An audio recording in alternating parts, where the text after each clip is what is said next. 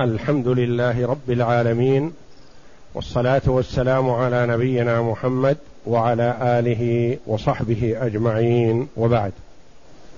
بسم الله الرحمن الرحيم. الحمد لله رب العالمين والصلاة والسلام على نبينا محمد وعلى آله وصحبه أجمعين.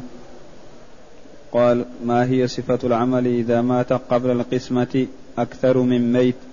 وما هي صفة وضع الجدول في المناسخات؟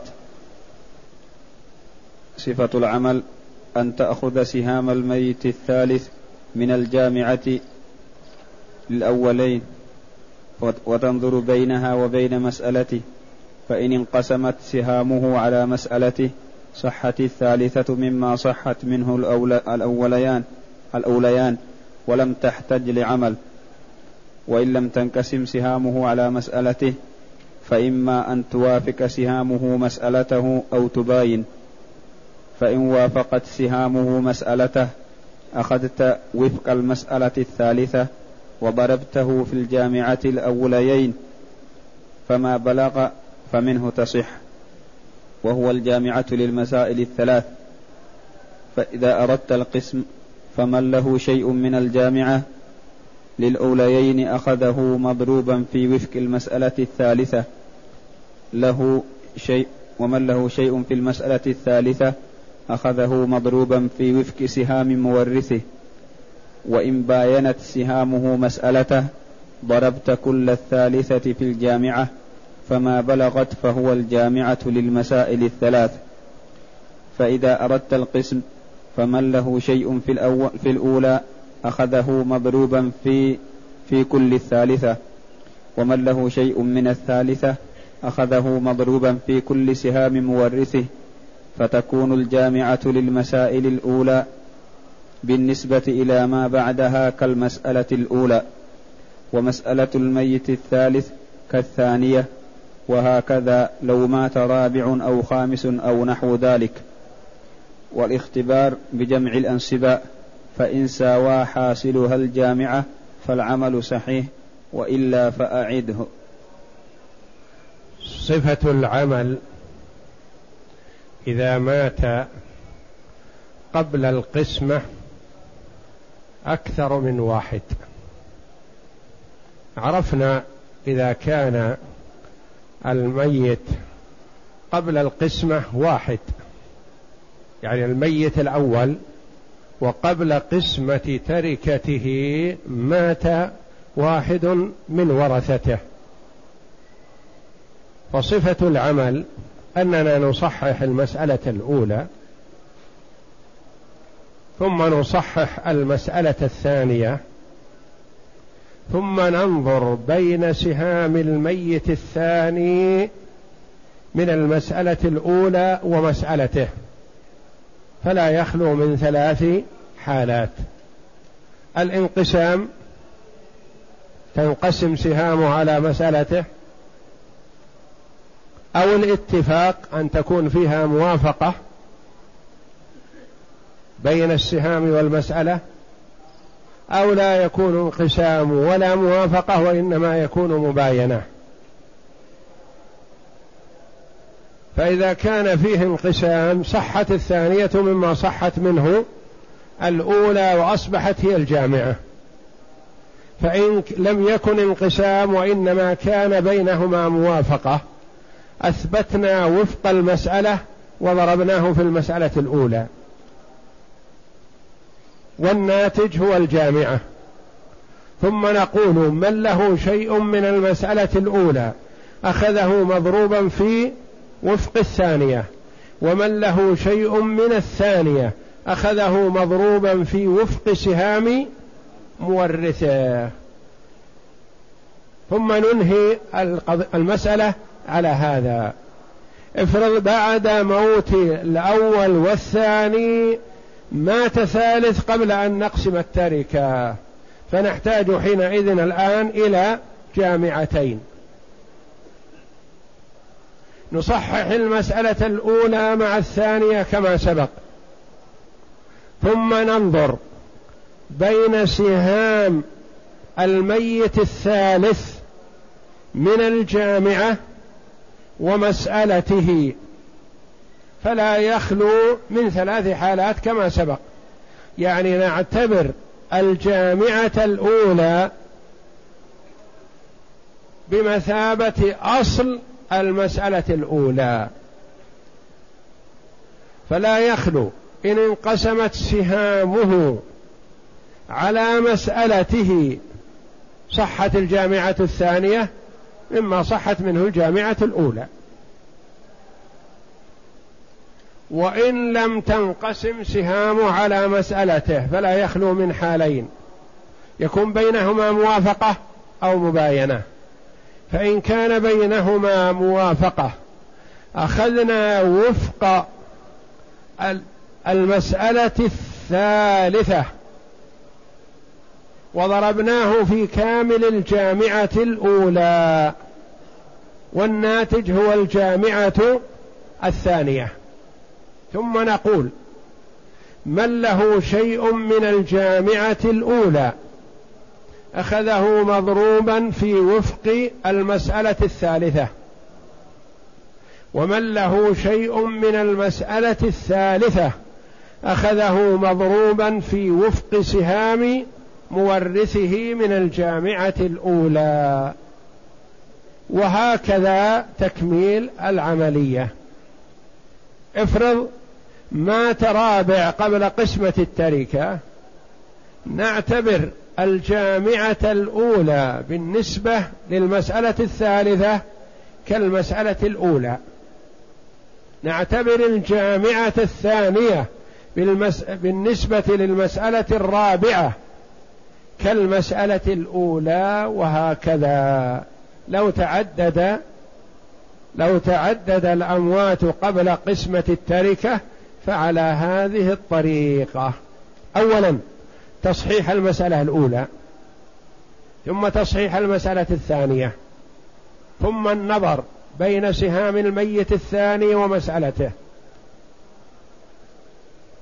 والناتج من هذا النظر يكون هو الجامعة والنظر يكون لا يخلو من ثلاثة أمور انقسام أو اتفاق موافقة أو مباينة. استخرجنا الجامعة الأولى فنقول من له شيء من المسألة الأولى أخذه مضروبا فيما في الاتفاق في وفق سهام مورثه. في المباينة في كامل سهام مورثه. من له شيء من الأولى. أخذه مضروبا في وفق الثانية أو في كامل الثانية. ومن له شيء من الثانية أخذه مضروبا في وفق سهام مورثه أو في كامل سهام مورثه في المباينة. ثم نأتي للميت الثالث كذلك. بالنسبة له للجامعة الأولى فإن كان هناك ميت رابع فكذلك بالنسبة للجامعة الثالثة. فمثلا الميت الأول والثاني لهما جامعة. وجد ميت ثالث نحتاج إلى جامعة ثانية. وجد ميت الرابع نحتاج إلى جامعة ثالثة. وجد ميت خامس نحتاج إلى جامعة رابعة وهكذا. فبتعدد الأموات في هذه الحال من أحوال المناسخات تتعدد الجامعات. نعم. مثال الانقسام خلف زوجة وبنتا وعما ثم ماتت البنت عما في المسألة ثم ماتت الزوجة عن زوج وأختين شقيقتين. فالمسألة الأولى من ثمانية للزوجة الثمن واحد وللبنت النصف أربعة والباقي للعم ثلاثة. هي المحلولة في الصفحة أربعة وثمانين. نعم. والمسألة الثانية من ثلاثة للأم الثلث واحد والباقي للعم. وسهام الميتة من الأولى أربعة ومسألتها من ثلاثة مباينة. فتضرب الثانية وهي ثلاثة في كل الأولى ثمانية فتبلغ أربعة وعشرين. هذه تعتبر الجامعة الأولى. بالأربعة والعشرين هذه الجامعة الأولى للمسألتين الأولى والثانية. نعم. للزوجة من الأولى واحد مضروبا في كل الثانية ثلاثة بثلاثة. ولها من الثانية بكونها أما واحد مضروبا في سهام الميتة بأربعة. ولها من المسألتين يعني اجتمع لها سبعة. لها ثلاثة وأربعة سبعة. نعم. ولها من المسألتين سبعة. وللعم من الأولى ثلاثة مضروبا في كل الثانية ثلاثة بتسعة. وله من الثانية اثنان مضروبا بأربعة. سهام الميتة بثمانية. وللعم من الأولى ثلاثة مضروبا في كل الثانية ثلاثة بتسعة وله من الثانية اثنان مضروبا بأربعة. سهام الميتة يحصل ثمانية فمجموع ما له من المسألتين سبعة عشر. والمسألة الثالثة انتهينا من المسألة الأولى والثانية بجامعاتها ثم جئنا بالمسألة الثالثة وهي موت الزوجة التي هي أم في الثانية. ماتت عن زوج وشقيقة وشقيقة. نعم فمسألتها زوج وشقيقتين من ستة وتعود إلى سبعة. نعم. والمسألة الثالثة من ستة وتعول إلى سبعة. للزوج النصف ثلاثة وللأختين الثلثان أربعة. وسهام الميتة من الأولى سبعة ومسألتها من سبعة فتكون سهاما منقسمة على مسألتها فتصح مما صحت منه الأولى.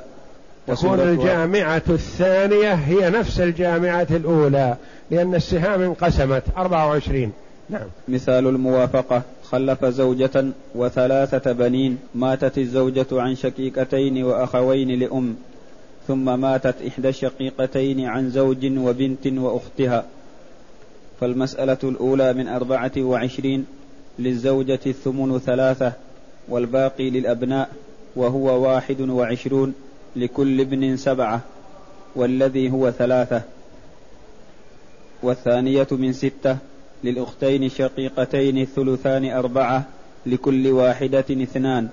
هي المجدولة في الجدول في الصفحة أربعة خمسة وثمانين نعم. وللإخوة للأم الثلث اثنان لكل أخ واحد وهي موافقة لسهام الميتة بالثلث.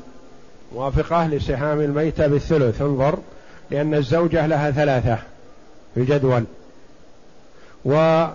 ومسألتها هي سهامها ثلاثة ومسألتها من ستة. سهامها مسألتها من ستة وسهامها ثلاثة. بينهما موافقة في الثلث لأن الثلاثة لها ثلث واحد وهو واحد والستة لها ثلث وهي اثنان. فنضرب كامل الثانية اللي هي أربعة وعشرين في وفق السهام اثنين. في وفق الثانية في وفق المسألة الثانية فتخرج ثمانية وأربعون. نعم. والحاصل من ضرب وفق الثانية اثنان في الأولى أربعة وعشرين ثمانية وأربعون وهي الجامعة. وهذه الجامعة كل أخذ نصيبه منها. من له شيء من الأولى أخذه مضروبا في وفق الثانية ومن له شيء من الثانية أخذه مضروبا في وفق سهام مورثه. وفق السهام كم هو؟ واحد. نعم. والمسألة الثالثة التي هي موت الشقيقة الأولى. ماتت عن شقيقتها وعن زوج وبنت. نعم. والمسألة الثالثة تصح من أربعة. للزوج الربع واحد وللبنت النصف اثنان وللشقيقة الباقي واحد. فهي موافقة. لسهامها بالنصف والحاصل من ضرب وفكها في الجامعة الأولى ستة وتسعون وهي الجامعة للمسائل الثلاث وسورتها يعني ضرب وفق الثالثة وفقها كم؟ اثنين. تضرب في ثمانية وأربعين. كم تخرج الجامعة الثانية؟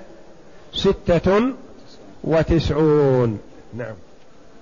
وصورتها في الجدول مع تحويل نصيب كل واحد إلى قراريط.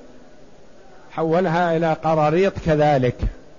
انظر في الجدول الجامعة ستة وتسعون. الأبناء الثلاثة لكل واحد منهم أربعة عشر في اثنين. سهام من الأولى أربعة عشر من الجامعة الأولى. مضروب في اثنين وفق المسألة الثالثة. أربعة عشر في اثنين بثمانية وعشرين. ننتقل بعده إلى الشقيقة. الشقيقة لها في من الجامعة الأولى لها اثنين. مضروبة في وفق المسألة الثالثة اثنين. أربعة. ولها من الثالثة واحد في واحد. بكم؟ واحد. واحد مع الأربعة كم يكون للشقيقة؟ انظرها مكتوبة في الجامعة تحتها خمسة. وللأخ لأم من الجامعة الأولى له واحد. مضروبا في اثنين باثنين وللأخ لأم الثاني مثله. وللزوج من الثالثة له واحد في واحد بواحد وللبنت من الثالثة لها اثنان في واحد باثنين. هذه الجامعة التي هي ستة وتسعون وأنصب الورثة تحتها. حولها إلى قراريط. فقسم الستة والتسعين على الأربعة والعشرين. يخرج قيراط المسألة. كم يخرج؟ أربعة. ستة وتسعين تقسم على أربعة وعشرين يخرج الناتج أربعة. أربعة هذا يسمى قيراط المسألة. قيراط المسألة هذا صامت أم ناطق؟ ناطق لأنه ناتج من ضرب اثنين في اثنين. فنحلله إلى أضلاعه. فجعلنا الضلع الأول اثنين والضلع الثاني اثنين. فمن فإذا أردنا أن نخرج القراريط نقسم ثمانية وعشرين. نصيب الابن الأول. ثمانية وعشرين نقسمها على الضلع الأول اثنين. كم يخرج؟ ثمانية وعشرين على اثنين أربعة عشر. نقسمها على الضلع الثاني اثنين كذلك. فيخرج سبعة. فللابن الأول سبعة قراريط من أربعة وعشرين قيراط. وللابن الثاني مثله وللابن الثالث مثله. انتهينا من هؤلاء. جينا للشقيقة الموجودة على قيد الحياة. لها خمسة من الجامعة. كيف نطلعها قراريط؟ نقسم الخمسة على الضلع الأول اثنين. ينتج كم؟ ينتج اثنان. ويبقى واحد نضعه تحته. ثم الاثنين التي نتجت معنا نقسمها على الضلع الثاني. كم ينتج؟ ينتج واحد صحيح. ولا يبقى شيء. فيكون للشقيقة ماذا؟ قيراط واحد ونصف النصف. لأنه لو كان عند الضلع الأول قلنا قيراط نصف لكن لا ما لها قيراط نصف. لها قيراط ونصف النصف يعني قيراط وربع. لأن الواحد هذا منسوب إلى نصف النصف ما نسب إلى النصف مباشرة. وإذا نظرت عقلا مثلا إلى الأخت الشقيقة لها خمسة وقيراط المسألة أربعة. اقسم الخمسة على الأربعة قيراط المسألة كم ينتج لها؟ قيراط. ويبقى واحد من الخمسة منسوب إلى الأربعة كم يصير؟ واحد وربع. هذا هو في هذه القسمة. طيب. الأخ لأم. له من الجامعة اثنين. له من الجامعة اثنان. وقيراط المسألة كم؟ أربعة. انسب قيراط المسألة إلى الاثنين كم يكون؟ قيراط المسألة أربعة. والاثنين وش تصير؟ نصف الأربعة. فله نصف قيراط. وهكذا بطريقة العمل قلنا الاثنين نقسمها على الضلع الأول اثنين. كم ينتج؟ واحد. نضعه تحت الضلع الثاني ونضع تحت الضلع الأول صفر. إذا يكون للأخ لأم نصف قيراط. ما وصل إلى حد قيراط كامل. لأن له اثنان وقيراط المسألة أربعة. قسمت الاثنين على أربعة كم ينتج؟ نصف. له نصف قيراط. وأخوه مثله. الزوج أقل منه انتبه. الزوج له واحد من الجامعة. سيقسم على الضلع الأول. ثم من بقي يقسم على الضلع الثاني. لكنه يبقى في الضلع الأول ولا يتحرك. له واحد. مقسوم على اثنين. هل ينقسم؟ نضعه. إذا يكون للزوج نصف نصف القيراط. نصف نصف القيراط. عقلا الزوج له واحد. وقيراط المسألة أربعة. كم يكون له من قيراط المسألة؟ ربع. له ربع قيراط. البنت أكثر منه لأن الزوج أخذ الربع والبنت أخذت نصف تركة أمها. طيب لها من الجامعة اثنان قسمناها على الضلع الأول اثنين انقسمت. وضعنا تحت الضلع الأول صفر ووضعنا تحت الضلع الثاني واحد. يعني لها نصف قيراط. لأن لها من الجامعة اثنان وقيراط المسألة أربعة فيكون نسبة الاثنين إلى الأربعة نصف. فنجمع لننظر هل عملنا هذا صحيح أو لا. لأنه لابد أن تكون قراريط المسألة أربعة وعشرين. فإن زادت أو نقصت عرفنا أن عملنا غير صحيح. فنجمع. الماء تحت الضلع الأول. تحت الضلع الأول واحد وفوق واحد. نقسمها على الاثنين. كم فيها؟ اثنان تقسم على اثنين. كم فيها؟ واحد. نضعه تحت. نجمعه مع ما يوازيه. واحد واحد واحد واحد. كم هذه؟ أربعة. أربعة. نقسمها على اثنين. كم ينتج؟ ينتج اثنين. نضع الاثنين هذه تحت القراريط.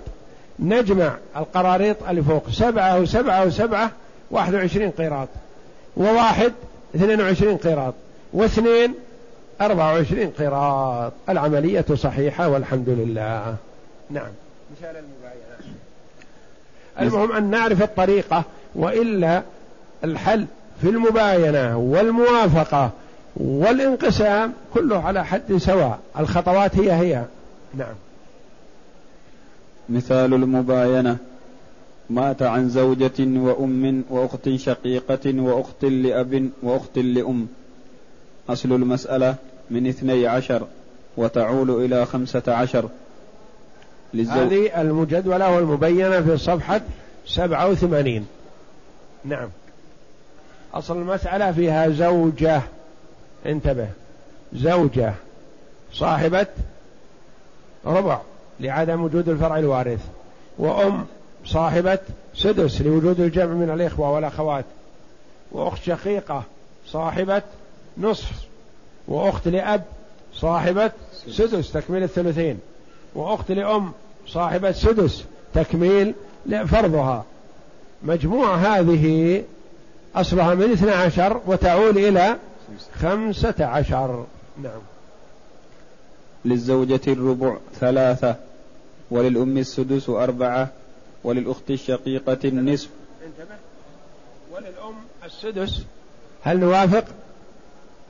المؤلف لم يقل هذا لكن هذا خطأ في الطبع. لأن المسألة من اثني عشر. ولل لا إله إلا الله.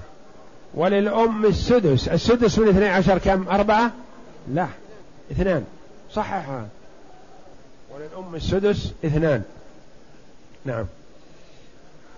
وللأم السدس اثنان. وللأخت الشقيقة النصف ستة. وللأخت لأب السدس اثنان وللأخت لأم السدس اثنان. اجتمعت إذا جمعناها جميع وجدناها خمسة عشر يعني تكون عالة الاثني عشر عالة الاثنى عشر إلى خمسة عشر. نعم. ثم ماتت الأخت الشقيقة عن أختها لأبيها وأختها لأمها وأمها وزوجها. أصل مسألتها من ستة وتعول إلى ثمانية. للزوج النصف ثلاثة وللأخت لأب النصف ثلاثة وللأخت للأم السدس واحد وللأم السدس واحد وسهامها من الأولى ستة. فبين مسألتها وسهامها موافقة بالنصف فتضرب كل الأولى في وفق الثانية. فتبلغ ستين. وقع في النصف لأنه لو كانت صحت من ستة كنا منقسمة. لكن ما صحت من ستة. أصلها من ستة وعالت إلى ثمانية. فبين الستة والثمانية موافقة. موافقة بالنصف لأن الستة لها نصف والثمانية لها نصف. نصف الستة ثلاثة ونصف الثمانية أربعة. فنأخذ نصف المسألة نصف المسألة ونضربها في المسألة الأولى نعم. فللزوجة الأولى ثلاثة مضروبة في وفق الثانية أربعة تبلغ اثني عشر. وللأخت لأم من الأولى اثنان مضروب في وفق الثانية أربعة بثمانية. ولها من الثانية واحد مضروب في وفق سهام الميتة ثلاثة بثلاثة. فيكون لها من المسألتين أحد عشر. والأخت لأب من الأولى اثنان مضروبة بأربعة وفق الثانية بثمانية. ولها من الثانية ثلاثة مضروبة في وفق سهام الميتة ثلاثة بتسعة فيجتمع لها سبعة عشر. وللأم من الأولى اثنان مضروب في وفق الثانية أربعة بثمانية. هذه ما فيها ترى مباينة المباينة ستأتينا فيما بعد. أما هذه موافقة. هذه المسألة الأولى مع المسألة الثانية. لكن الجامعة الأولى مع المسألة الثالثة هي التي ستأتينا في المباينة. نعم. ولها من الثانية واحد مضروب في وفق سهام الميتة ثلاثة بثلاثة فيجتمع لها أحد عشر. وللزوج من الثانية ثلاثة مضروبة بثلاثة وفق سهام المورثة فتبلغ تسعة. ثم ماتت الأم عن زوج وأخت وبنت وهي الأخت لأم التي في المسألة الأولى. نعم. فمسألتها من أربعة للزوج الربع واحد وللبنت النصف اثنان والباقي للأخت واحد. ولها من الجامعة أحد عشر لا تنقسم على مسألتها ولا توافق. فتضرب عشر وأربعة بينهما مباينة. سهامها إحدى عشر من الجامعة الأولى انظرها. فتضرب مسألتها أربعة في الجامعة وهي ستون فتبلغ مئتين وأربعين. ومنها تصح المسائل الثلاث. للزوجة من الجامعة اثني عشر نضربه بأربعة. مسألة, مسألة الميت الثالث تبلغ ثمانية وأربعين.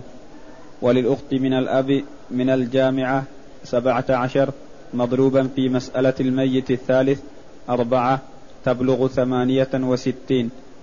وللأخت لأم من الجامعة أحد عشر مضروبا في المسألة الثالثة أربعة تبلغ أربعة وأربعين.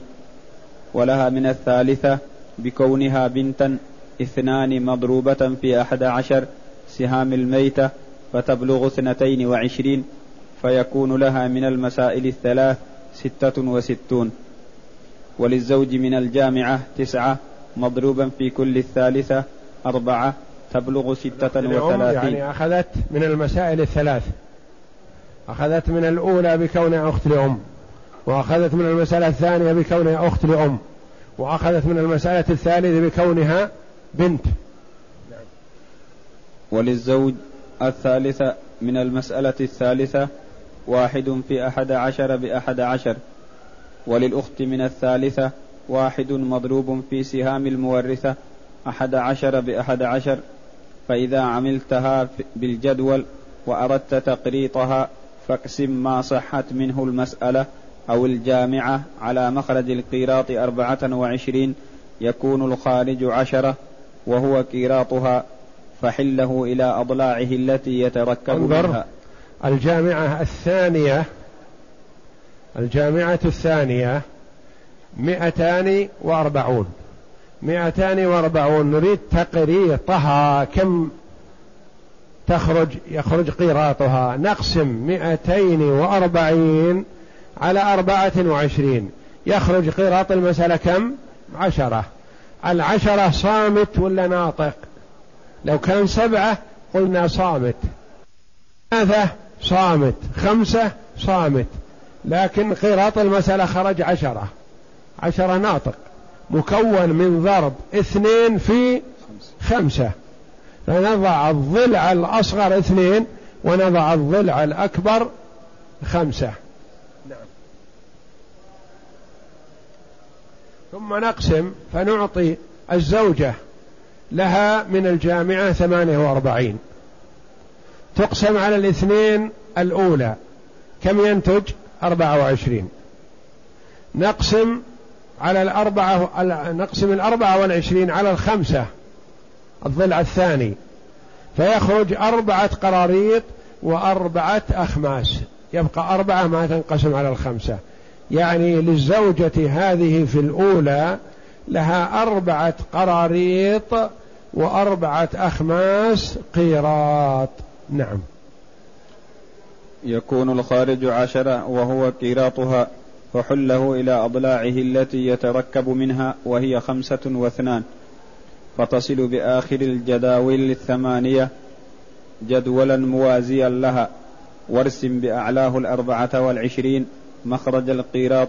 لتقابل بها عند امتحان صحة التقريط بالجمع, بالجمع ثم صل به جداول بعدد الأضلاع وترسم بأعلى كل جدول منها ضلعا مقدما الأكبر فالأكبر. الأضلاع اثنين وخمسة أيهما أكبر؟ الأصغر اثنين نبدأ به ثم نأتي بالضلع الأكبر بعده وهو خمسة. ثم اقسم نصيب كل واحد على أضلاع الكيراط مبتدئا من آخرها واحدا. من الأكبر بالأكبر الأكبر تجعله موالي للقراريط. موالي للقراريط لمخرج القيراط والأصغر تبعده عنه. مبتدئا من آخرها واحدا بعد واحد إلى ما تنتهي القسمة إليه. وحيث صحت القسمة على ضلع فاثبت بإزائه صفرا في المربع المختص بصاحب ذلك النصيب. وحيث يبقى أقل منه فاثبت بإزائه ذلك في المربع المذكور. فما خرج من صحيح فهو عدد القيراط وما تحت الأضلاع فهو كسور من القيراط وهو كسر منتسب ومجموعها هو النصيب وعند انتهاء القسمة امتحن بالجمع بأن تجمع ما على آخرها وتقسمه عليه ثم اجمع الخارج إلى ما تحت الضلع الذي يليه قبله وتقسمه عليه فما خرج تضعه تحت الضلع الذي قبله وهكذا إلى آخرها. ثم تضع الخارج تحت الأربعة والعشرين فإن طابقها فالعمل صحيح وإلا فخطأ. وبكسمة نصيب الزوجة من الجامعة وهو ثمان وأربعون على الضلع الأصغر خرج أربعة وعشرون فوضعنا تحت الضلع المذكور بإزاء الزوجة صفرا. ثم يعني ما في شيء الضلع هذا الضلع الأصغر ما في كسر. نعم. ثم قسمنا الخارج وهو أربعة وعشرون على الضلع الذي يليه وهو خمسة فخرج أربعة وبقي أربعة. خرج أربعة قراريط كاملة وأربعة منسوبة إلى الأعلى يعني أربعة أخماس. وضعناها تحت الضلع المذكور. ووضعنا الخارج تحت الأربعة والعشرين فصار للزوجة أربعة كراريط وأربعة أخماس كيراط. وحصل للأخت لأب ستة كراريط ستة كراريط وأربعة أخماس كيراط. وللأخت لأم ستة كراريط وثلاثة أخماس كيراط. وللزوج الثانية ثلاثة كراريط وثلاثة أخماس كيراط. وللزوج الثالثة كيراط ونصف خمس كيراط ونصف خمس انتبه. زوج الثالثة الزوج الأخير إذا قسمنا على إحدى عشر نصيبه من الجامعة. على الاثنين كم ينتج؟ خمسة. ويبقى واحد نضعه تحته. ثم نقسم الخمسة على الخمسة فينتج واحد. فيكون للزوج قيراط ونصف خمس القيراط. نصف لأنه واحد منسوب إلى اثنين. وهذا الاثنان خمس للقيراط. يعني واحد ونصف خمس القيراط.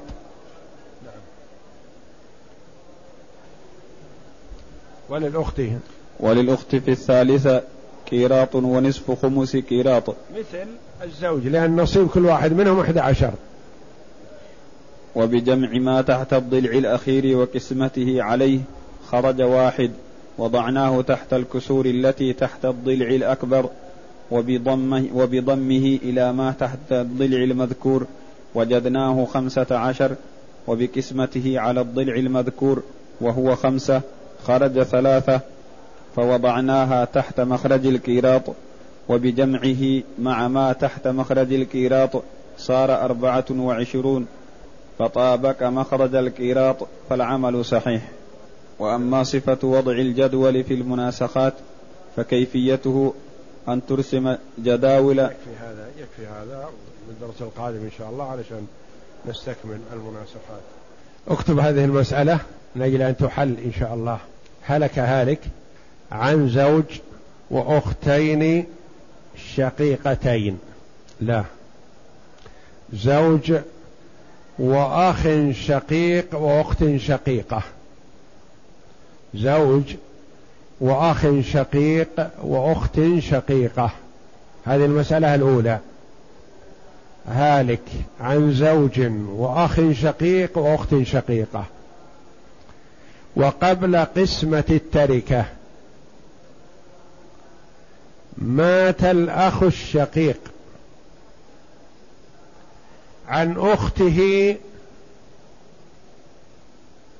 في الأولى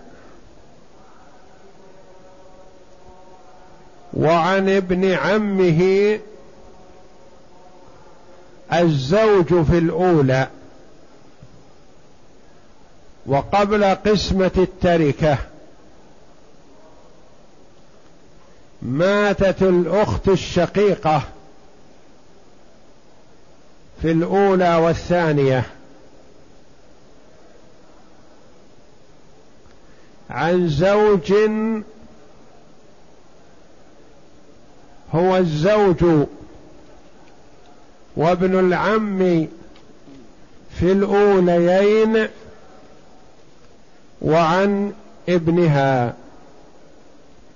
وقبل قسمة التركة مات الابن في الثالثة عن أب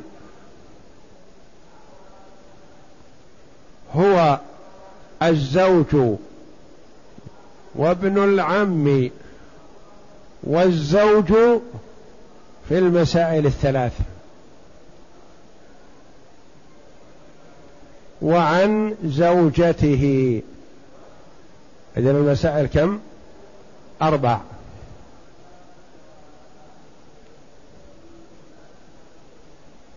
تحتاج إلى ثلاث جامعات. الأولى والثانية بجامعة. والثالثة بجامعة ثانية. والرابعة بجامعة ثالثة. آه انتبه لها نعيده. الجدول الأول يكون في زوج أخ شقيق أخت شقيقة. الجدول الثاني يكون في ابن عم بحذاء الزوج.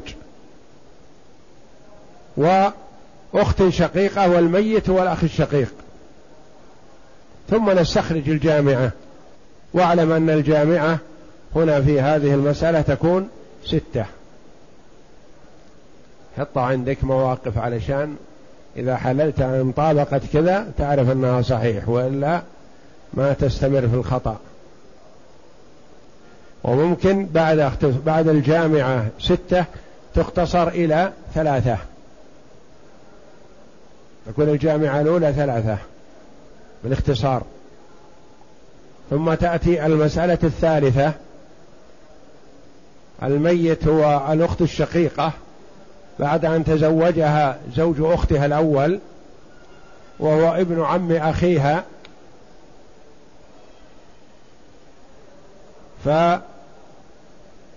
فورثتها زوج وابن.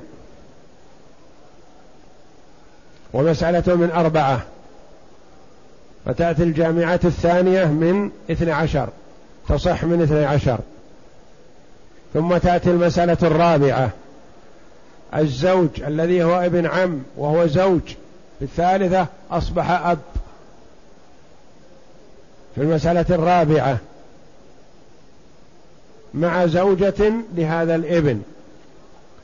فمسألته من أربعة وصحت جامعته من ثمانية وأربعين ثم تختصر إلى ستة عشر.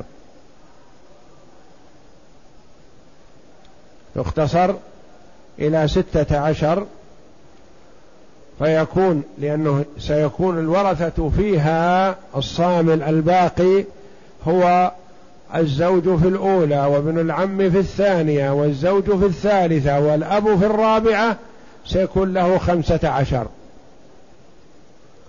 ويكون للزوجة في الأخيرة التي زوجة الابن الأخير هذه لها واحد من ستة عشر. حلوها إن شاء الله. والله أعلم وصلى الله وسلم وبارك على عبده ورسول نبينا محمد وعلى آله وصحبه أجمعين. يقول السائل ما حكم ما حكم خضاب اللحية بالسوداء؟ حكم خضاب اللحية بالسواد ممنوع لأن النبي صلى الله عليه وسلم لما جيء له بأبي قحافة والد أبي بكر الصديق رضي الله عنه ورأسه ولحيته كالثغامة بياضا. قال عليه الصلاة والسلام غيروا هذا وجنبوه السواد. وقال عليه الصلاة والسلام إن أحسن ما غيرتم به هذا الشيب الحنة والكتم.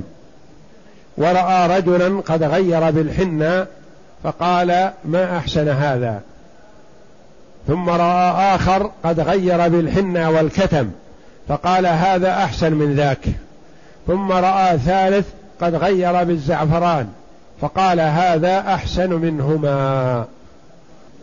يقول هل يجوز للحر الفقير أن يزوج أمة خوفا من الوقوع في الحرام؟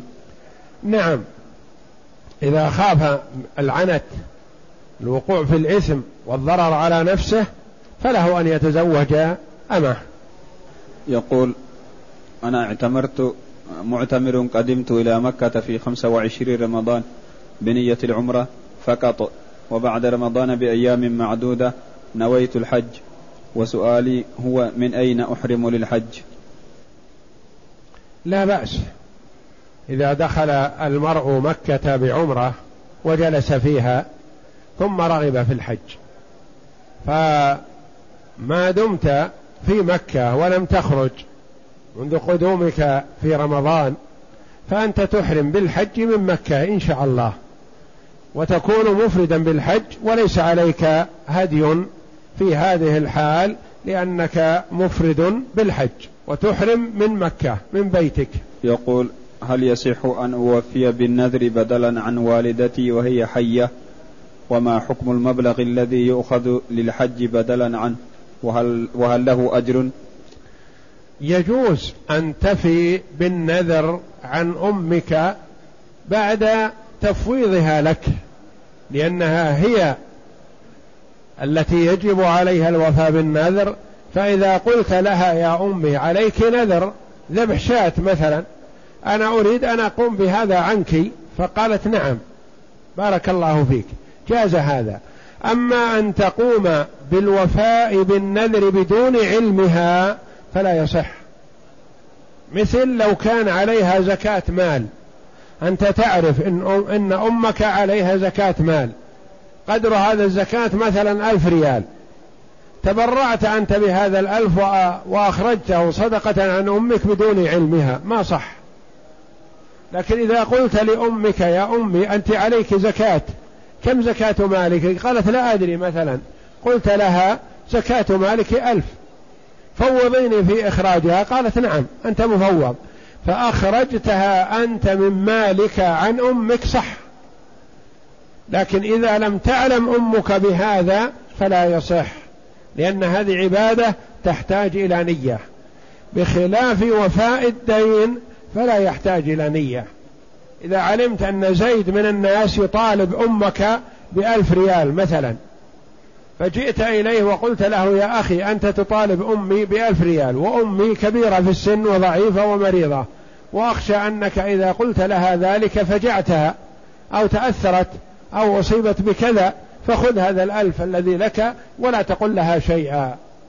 فقبل وأخذ. صح. وبرئت ذمة أمك لأن هذا برأ الذمة بخلاف الزكاة والنذر فلا بد من النية مع هذا. ما حكم الذي يؤخذ للحج بدلا عنه؟ هذا بحسب نية الآخذ. إن كان قصده الاحتساب في براءة ذمة المتوفى أو أداء هذا الحج عن عن الحي مثلا غير القادر ورغب في الوقوف مع الناس وحضور المشاهد وهو لا يستطيع فأخذ المال هذا ليستعين به. وليبرئ ذمة صاحبه فهو مأجور وله أجر عظيم. وأما إذا كان أخذ المال من أجل المال لا من أجل الحج فهذا ليس له من الأجر شيء. لأن شيخ الإسلام تيمية رحمه الله فرق بين من أخذ ليحج ومن حج ليأخذ. من حج ليأخذ هذا قصده المال ليس له أجر. ومن أخذ ليحج هو يرغب في الحج لكن ما يستطيع يده فارغة. فأخذ المال ليستعين به على الحج فله أجر. يسأل عن الكتم. الكتم معروف عند الباعة يسمى بالحنة الأسود. منهم من يعرفه باسم الكتم ومنهم من يسميه باسم الحنة الأسود. فإذا خلط الحنة مع الكتم خرج لهما لون مناسب ليس أسود ولا أحمر وأصفر مثل لون الحنة. وإنما يخرج لونا مناسبا فهو الذي يحسن أن يغير به. إن أحسن ما غيرتم به هذا الشيب الحنة والكتم. يقول هل يجوز أن يتزوج المطلقة بواحد أو باثنين بعد انقضاء العدة أم لا؟ الطلاق لا يخلو. طلاق رجعي وطلاق بائن بينونة صغرى. وطلاق بائن بينونة كبرى. الطلاق الرجعي أن يطلقها طلقة واحدة أو طلقتين ثم يراجعها في العدة. هذا طلاق رجعي وإذا رجعها في العدة فلا يحتاج إلى عقد. يرجعها بالعقد الأول وتبقى زوجته لأنه راجع في العدة. طلاق بائن بينونة صغرى. هذه تصح لمطلقها بعقد. طلقها اليوم مثلا على ألف ريال. يجوز أن يعقد عليها غدا لكن ما يرجعها لأنه طلاق بائن بالمبلغ. بينونة صغرى ليس كبرى يجوز أن يعقد عليها. بينونة صغرى طلقها طلقة واحدة. وبقيت مثلا حتى انتهت عدتها. فخرجت من العدة. تعتبر بانت بينونة صغرى من مطلقها. له أن يخطبها كواحد من الخطاب ويعقد عليها ما دام ما طلقها إلا طلقة واحدة أو طلقتين. له أن يخطبها ويعقد عليها بعقد جديد ومهر جديد. بينونة كبرى هي التي لا تحل لمطلقها حتى تنكح زوجا غيره. وهي التي طلقها ثلاثا فإذا طلقها ثلاثا فلا تحل له بعقد ولا بدون عقد حتى تنكح زوجا غيره. فإذا نكحت زوجا غيره وطلقها الزوج الغير غير تحليل أما إذا كان قصد الزوج الثاني التحليل فهذا محرم لكن تزوجها زواج رغبة ثم بعد فترة طلقها. لها أن تعود إلى زوجها الأول بعقد ومهر جديدين يكون من جديد. يكون له الطلقات الثلاث.